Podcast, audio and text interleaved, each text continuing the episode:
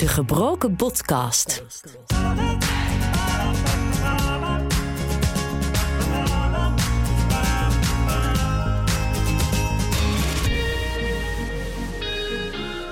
Hallo, welkom en fijn dat je luistert naar de allereerste aflevering van De Gebroken Podcast. Ik ben Michael Roelen en in deze podcast neem ik je mee in mijn revalidatieproces. Op 7 juni van dit jaar heb ik door een val namelijk meerdere botbreuken in allebei mijn benen opgelopen. Om daarvan te herstellen zit ik nu in revalidatiecentrum De Hoogstraat in Utrecht. Wat het extra complex maakt is dat ik osteogenesis imperfecta heb. Deze aandoening zorgt ervoor dat mijn botten kwetsbaar zijn en dus makkelijk breken. Ik heb dan ook al zeker 30 keer iets gebroken in mijn leven, maar het precieze aantal weet ik eigenlijk al niet eens meer, want ik ben maar gewoon gestopt met tellen. En vooral de laatste jaren breek ik weer regelmatig wat en dit heeft me bewuster gemaakt van mijn aandoening. Daarom ben ik eerder dit jaar ambassadeur geworden van Care for Brittle Bones. Deze stichting zet zich in om de kwaliteit van leven voor mensen met deze aandoening te verbeteren. Denk hierbij aan het faciliteren van onderzoek naar de ontwikkeling van medicijnen, maar ook aan de invloed die de aandoening heeft op de psyche. Dat is ook iets waar Care for Brittle Bones zich hard voor maakt.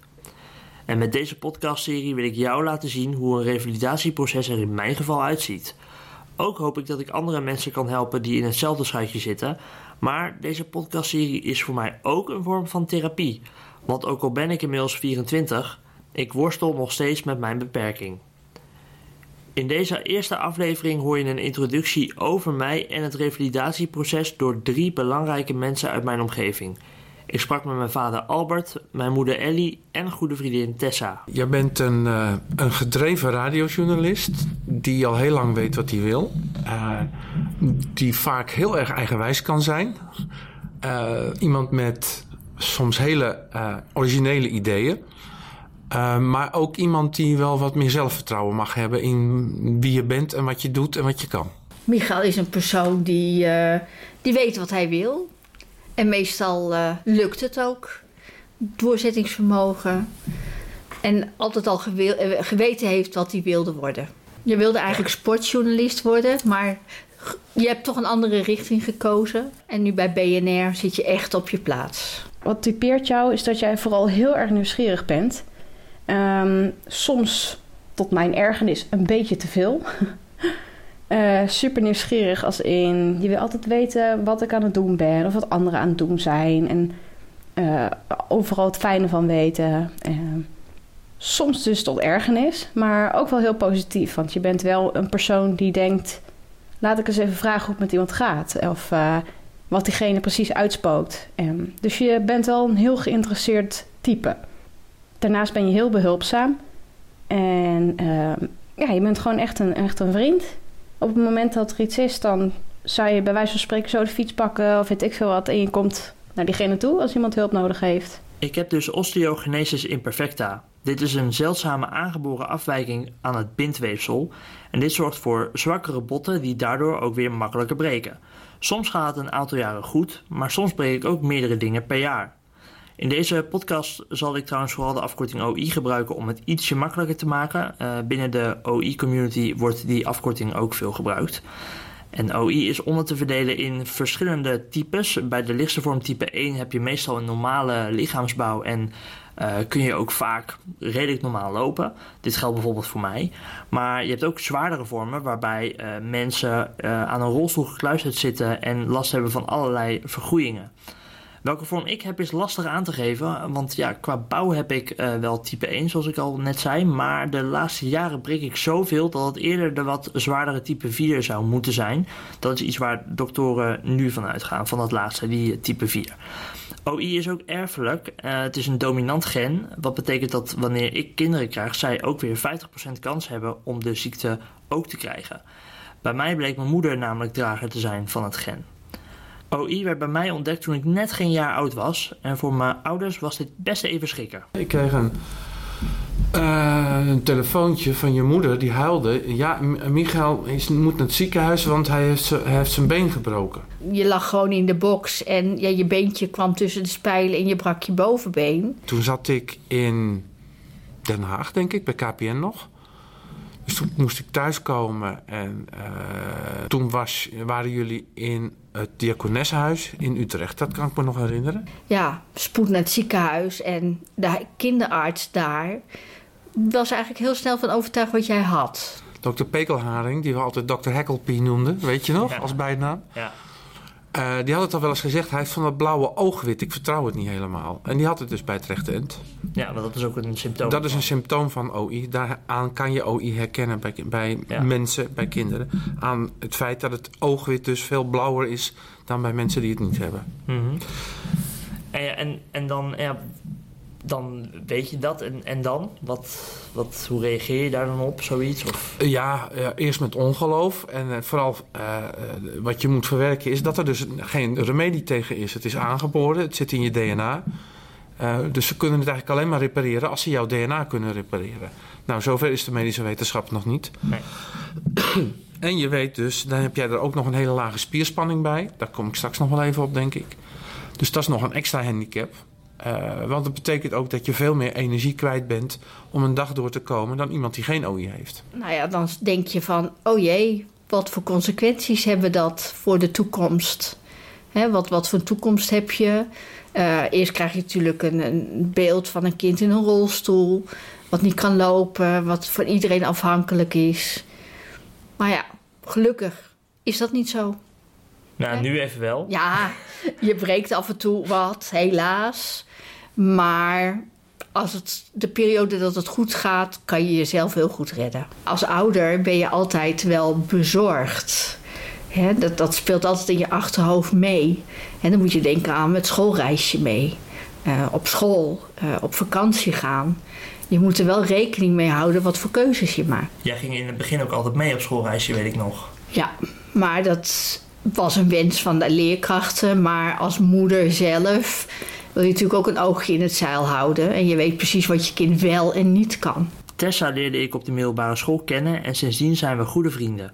Bij de lokale omroep hebben we een aantal jaren samen ons eigen radioprogramma gemaakt en we zaten ook samen op de school voor journalistiek in Utrecht. OI is in onze vriendschap altijd aanwezig. Ik wist het al. Ik wist al dat je OI had. Eh, dat wist ik namelijk door klasgenoten. Klasgenoten die hadden dat verteld. Ik heb het nooit als eerste van jou gehoord, in ieder geval. Ehm, nee, ik heb het eigenlijk alleen van, als eerste van klasgenoten gehad. Dus ik kan me voorstellen dat ik misschien, ja, misschien wel verbaasd was. Dat ik dacht van, hè, wat is dat? Ik had er namelijk nog nooit van gehoord. Maar ja, het heeft me nooit beperkt in met iemand praten of met jou praten of zo. eh. nee. Ik reageerde er niet heel raar op, misschien verrast.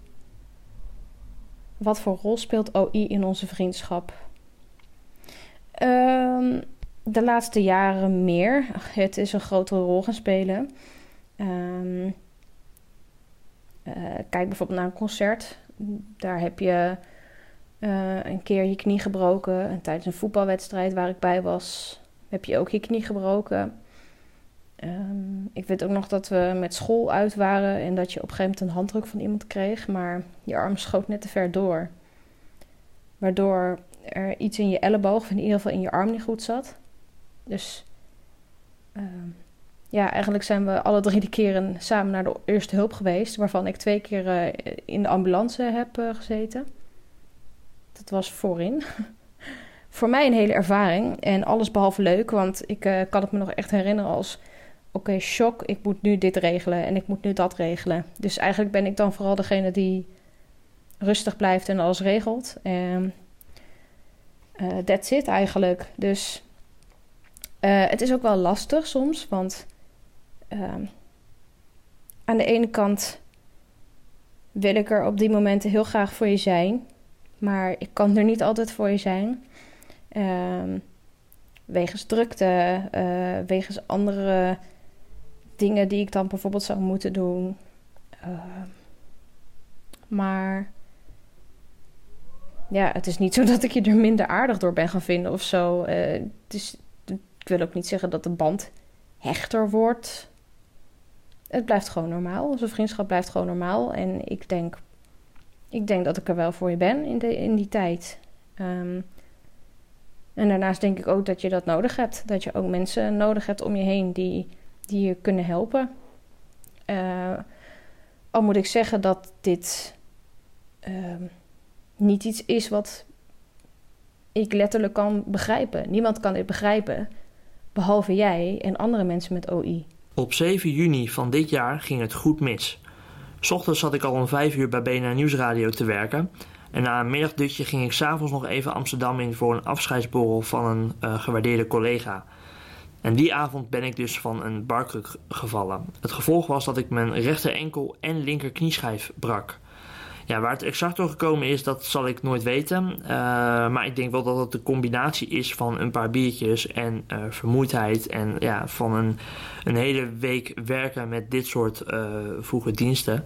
En ja, ik weet van de nacht zelf weet ik eigenlijk vrij weinig. Ik heb vrij veel uh, medicatie van de ambulanceboerders in het ziekenhuis gehad. Uh, gelukkig maar. Uh, maar ja, fijn was het uiteraard niet. Ook niet voor mijn naasten en dierbaren. Ik had een voorgevoel. Want ik dacht al van, is het wel verstandig om nog weg te gaan? Of, jouw kennende, jij denkt niet van, ik blijf tot half negen, ik kom naar huis. Nee, jij bent Michael en die blijft tot de allerlaatste omdat ik ook dacht, ik, ik had die ochtend een ochtenddienst. En ik dacht van nou, dat is meer eens even rustig aan thuis gedaan. Dan kan dat wel. Ja, maar dat kan dus niet. Nee. Dat kan een normaal mens al niet. Dus laat staan iemand die al een nou, beperking heeft. Een normaal mens zonder beperking kan dat. Ja. Van mijn leeftijd. Maar dat zeggen ze dat ze dat kunnen. Maar ik, weet, ik vraag me af of dat zo is. Hmm. Ja, dat is een interessante kom. Ja, dat is interessant. dat zou kunnen, ja. Wie weet. Ja. Um, maar goed, dan, dan, dan hoor je dat. En, en ja, wat, wat, sowieso, als jij hoort, nou, er is wat aan de hand. Ja. Wat denk je dan? Wat denk je dan altijd? Ja, dan ga ik in de oude modus. Want dan ga je gewoon ja, doen wat er van je verwacht wordt. Er naartoe, kijken wat je kan doen. En meer kan je ook niet doen. Nee? En wat trof je aan? Nou ja, een, uh, een, Michael met heel veel pijn, maar die ook niet wilde luisteren en het ook niet overgaf. Die echt zo in de boze contramine ging, dat het echt gewoon gênant was. Echt waar? Ja, het was echt heel gênant. Maar dat kwam ook gewoon omdat ik gewoon heel veel pijn had. Dat kan, ik kan me van die nacht heel weinig herinneren, omdat ik best wel veel medicatie heb gehad. Maar ik kan me nog wel herinneren dat alles voor mijn gevoel heel lang duurde. En dat, dat ik dus gewoon heel veel pijn had. En dat gewoon alles wat ze me gaven, dat hielp gewoon niet. Maar dat kwam ook omdat jij zo boos was. En zo uh, gefrustreerd. Dat je het ook niet los kon laten. Daar zat denk ik ook wel iets in van dat ik dacht van... Hé, shit, het is weer zover. Het is gewoon, alles kwam samen. Als je nou gewoon was, in een ontspannen houding was gegaan van... Nou, ik lig hier nu, ik geef me over. Maar dat deed je niet. Maar kan dat ook wel, vraag ik me af. Want ik bedoel, dat is ook... Dat is... Nee, maar dat zit niet in jou. Nee, maar ik... Andere mensen gaan in een soort overlevingsstand. En dat doe jij niet. Jij gaat vechten. Nou, ik ga misschien is vechten wel mijn overlevingsstand. Dat zou best kunnen. Ja, ja dat is niet de goede. Nee, maar ja, ik zou Je kan beter in de overgeefstand gaan. Ja, maar dat is iets wat ik sowieso moeilijk vind. Dingen, dingen overgeven, dingen uit handen geven. Ik, uh, uh, wat dat betreft ben ik misschien wel een erge controlfreak. Ja. En uh, en dan komt het eigenwijze weer. Dan denk je, oké, ja, maar kijken hoe het is en, en, hoe je er weer bovenop kan komen. Maar deze keer was het wel natuurlijk wel... Het was weer, weer heel heftig, ja. Heftig en anders. Uh, ja, en ik denk dat je daar dus ook lessen uit moet gaan trekken voor de toekomst. Ik was op een feestje. En ik was echt, ja, ik wil niet zeggen in shock, maar ik was wel heel erg geschokt over dat je weer in het ziekenhuis lag. En ik had het totaal niet verwacht. En Um, wat natuurlijk zo is, is dat je het ook niet kunt verwachten. Want voorgaande keren verwachtte je het ook niet. Of verwachtte ik het in ieder geval niet. Uh, en dan gebeurt het ook. Dus ja, het is gewoon meer verbazing en een schok van... oh nee, niet weer. En ik vind het gewoon heel vervelend voor jou. En dat het je weer moet overkomen. Dat ik echt denk, niet weer, niet weer. Dan moet je weer dat traject in. En dat je dan net net weer even wat lekkerder in je vel zit dan uh, sinds een tijd. En ja, dat maakt het wel heel erg vervelend. Ik ben de volgende dag gelijk naar het ziekenhuis gereden. En eigenlijk lag je er wel rustig bij. Maar je zag wel aan je dat je dacht van... Nou, hier lig ik dan weer. En uh, ja, soms doe je er een beetje lacherig over, maar soms dan kan je ook wel weer heel erg terugvallen in het negatieve. Uh, als in toch best wel verdrietig. Uh, kijk, ik heb je niet veel zien huilen, eigenlijk nooit echt. Uh, meestal is het zo'n adrenaline stoot die je dan in één keer krijgt. Dus dat je heel, heel, heel erg kan gillen van de pijn of ehm, zelf ook gewoon in shock. Maar nu leek het net alsof je brak.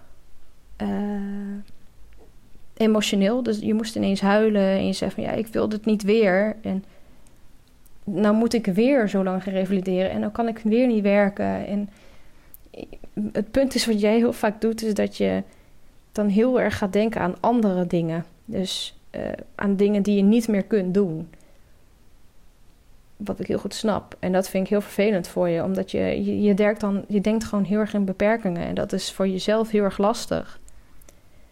Um, maar als het de zoveelste keer is gebeurd, dan kan dat ook eigenlijk niet anders dat je uh, op die manier reageert, bijvoorbeeld.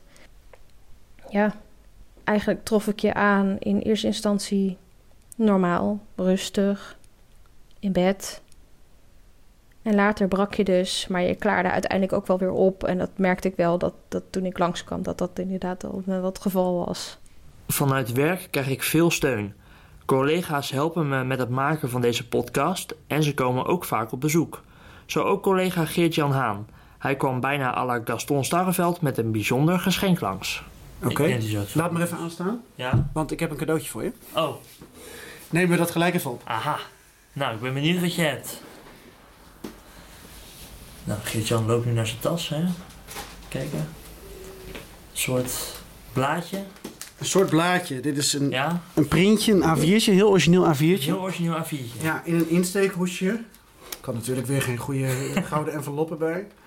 Maar ik heb nog iets van de redactie meegenomen. Iets van de redactie, dan zal ik het even voorlezen. Help Michael de zomer door. Lieve Michael, neem alle tijd voor jezelf. We missen je, maar we hopen ook dat je weer als een jonge god terugkeert bij ons. We weten dat jouw aandoening blijvend is en we weten dat dit misschien vaker gaat gebeuren, maar we weten ook dat wij dan aan je denken. Verder denken we niet aan je, want je bent onze talentvolle, kleurrijke, kleurrijke collega. En dat is waar we je op beoordelen en waarom we zo gek op jou zijn. Maar zodra je terug bent, ben je gewoon weer one of the guys. Dus als je binnenkort om vijf uur s ochtends over de redactie huppelt, onthoud dan één ding. Geen voetbalgeloel in de buurt van Bas. Doe je maar tijdens je revalidatie. Tientallen mensen zijn desalniettemin zo gek op je dat ze een kleine donatie hebben gedaan om jou hersteltijd te geven. Het is niet veel, maar we hopen dat alle beetjes helpen. Mocht je op een gegeven moment weer met één kruk kunnen lopen, vraagt Hugo en Bas, jij wel, er is weer dan even een keertje om hun favoriete koffie. En tot die tijd helpen we jou. Zei dan op Michael, we gaan er een beter seizoen van maken dan je voor mogelijk zou houden, net als Feyenoord. En er staat er een geldbedrag bij, dat, dat hebben ze dus voor mij gedoneerd, oké. En uh, en een heel flauw nieuwsbericht. Feyenoord amputeert uit voorzorg benen spelers. Dat is echt zo. Het stond echt op de speld. ja, ja, ja, ja. Dus dan is het waar. Ja, nee, dat, nu kan ik ook uh, mee inderdaad. Oh wauw, dit vind ik echt heel, heel bijzonder. Want het is, uh, dat is denk ik niet vanzelfsprekend. Maar... Uh, nou, voor heel veel mensen blijkbaar wel. Ja, nou, dat vind ik heel mooi om te horen. En ja, ben ik een beetje sprak wat ik wel moet zeggen. Maar ja, het is hartstikke leuk. En uh, uh, nou, het, het, zegt voor mij gewoon heel erg hoe, hoe, hoe, uh, hoeveel mensen van BNR om mij geven.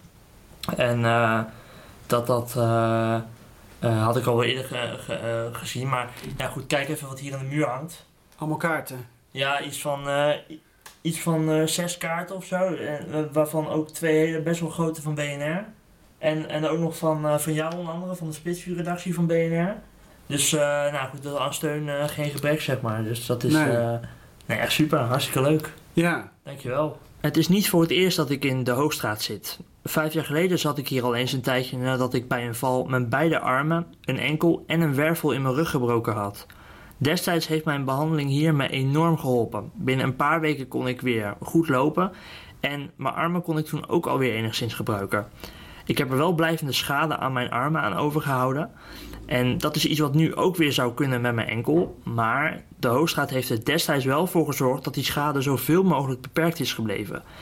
Ik kan de normale dingen eigenlijk gewoon weer doen met mijn armen. En ik heb er in het dagelijks leven eigenlijk bijna geen last van. En over wat mijn belangrijkste missie hier nu is, heeft mijn omgeving een duidelijke mening. Nou, ik denk dat dit een goede plek is voor je. Alles is voorhanden. Fysiotherapie, ergotherapie, eh, maatschappelijk werk, eh, psychisch. Dus al, alle fronten wordt gewerkt. Ja. En zo goed, kijk je, het li- liefste ben je natuurlijk thuis. Maar hier ben je beter op je plek. En alles is ook afgestemd op mensen in een rolstoel. En dat is thuis niet. Wat is denk je mijn eh, belangrijkste missie voor de komende weken, maanden hier? Of missies, misschien zijn er wel meerdere. Nou, gewoon weer komen op het pijl wat je was voor je ongeluk, voordat je viel. En misschien eh, krijg je hier nog wel weer zoveel tips mee. Dat je je leven beter kan oppakken met je beperking. En dat je ook denkt van, oh maar ik doe het nu zo. Maar deze manier die zij me nu aanleren is misschien beter. Om te goed te kunnen blijven functioneren voor nu en in de toekomst. Wat mij heel erg belangrijk lijkt voor je revalidatie en wat ook uitdagingen voor je zijn, eh, is om je vooral te kunnen blijven focussen op jezelf. Eh, je denkt namelijk al heel snel vooruit van, ja, eh, ik moet nu werken of ik wil nu werken. En je, je bent eigenlijk een beetje verslaafd aan werk, in positieve zin hoor. Je stopt heel veel passie in je werk. Ehm, maar ik denk dat je dat even los moet proberen te laten. Ehm, of ik hoop dat je dat een klein beetje kunt doen. Je gewoon echt kunt focussen op jezelf, op je, op je rust ook. Want rust pakken vind jij ook best wel lastig. Dus het is vooral heel erg belangrijk dat je rust pakt. Eh, dat dat ook zeker een uitdaging voor je is. Ik hoop dat het een spoedig herstel is.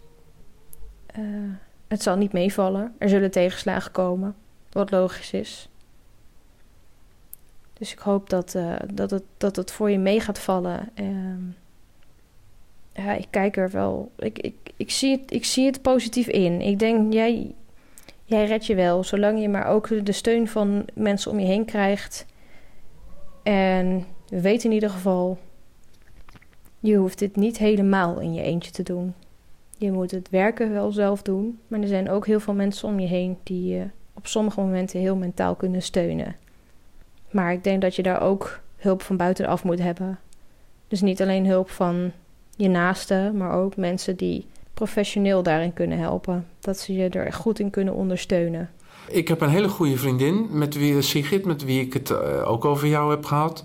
En zij zei, hij moet beter leren te leven binnen de grenzen van zijn beperking. Ja. En ik denk dat dat een waarheid als een koe is. En, want daar hebben we het al eerder over gehad. Jij hebt niet alleen OI, maar jij hebt ook lage spierspanning. Dus dat betekent als jij een dag gewerkt hebt op de redactie... dat jou dat veel meer energie kost als iemand die geen OI heeft. Alleen dat zien mensen niet. Nee, wat grappig is, ik voel het zelf ook niet. Maar kennelijk is het wel zo, want je bent nu van een barkruk gevallen... en je bent in mijn ogen alleen maar van die kruk gevallen... omdat je spieren het niet meer aankonden. Ja. Die waren te moe, die hadden niet meer de kracht om jou op die kruk te houden. Ja. En dus vind ik dat, dat jouw doel voor de komende weken moet zijn om jezelf daartegen te beschermen. Want als je dat niet doet, zul je tot in lengte van jaren dit soort breuken krijgen. En dan weet ik niet of je op een gegeven moment nog wel weer volledig gaat herstellen. Want ja. eh, dit zijn geen kleinigheidjes die jij hebt. Nee, klopt. En het is veel belangrijker, denk ik, om binnen je beperkingen maximaal te doen wat je kan doen. En te zorgen dat je niet meer in, deze, in dit soort situaties komt. Dus dat betekent als jij bijvoorbeeld na het werk nog naar een eh, receptie moet. Dan ga je een half uurtje of een uurtje. Of als je moe bent, ga je helemaal niet en maak je een andere afspraak. Dat Ja. moet je leren. Je moet veel meer leren om voor jezelf op te komen en om nee te durven zeggen. Mensen snappen dat wel. Als je het op die manier gaat uitleggen, snappen mensen dat wel. Maar dat moet je echt gaan doen.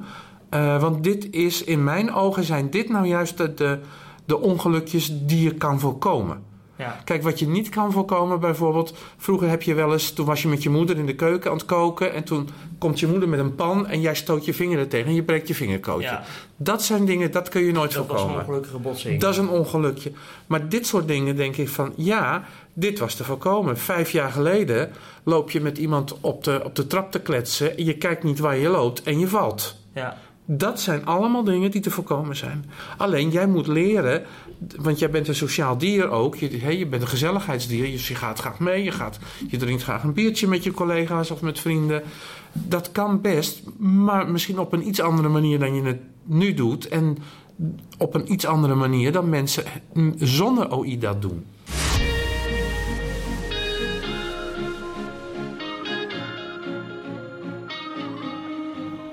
Dit wat je net hoorde noemen we een bumpertje.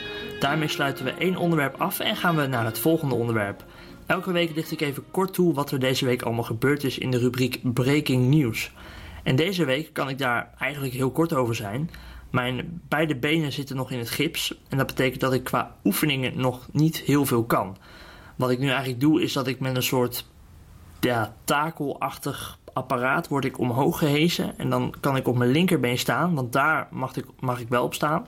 En dan hinkel ik een beetje rond door de oefenzaal. En uh, nou goed, dat is ook wel zware belasting voor mijn armen, maar dat is iets wat ik nu eigenlijk het enige wat ik nu kan doen. En voor de rest een paar kleine oefeningen met mijn benen op een soort behandeltafel.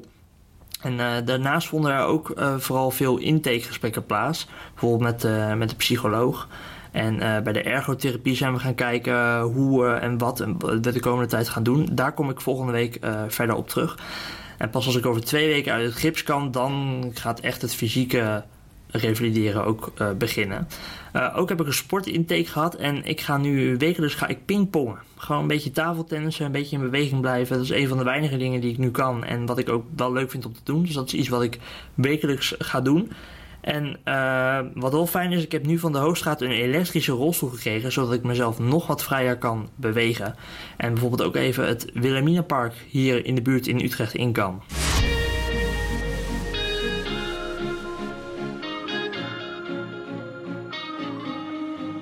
Ik hoop dat je met deze introductie een beetje begrijpt wie ik ben en wat ik de komende tijd ga doen, ook met deze podcast.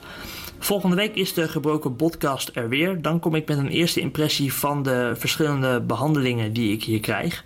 En uh, mocht je me in de tussentijd een berichtje willen sturen, dat kan uh, bijvoorbeeld via Twitter, @michaelroele. Twitter, @michaelroele, dan uh, ben ik heel makkelijk te bereiken. Tot volgende week.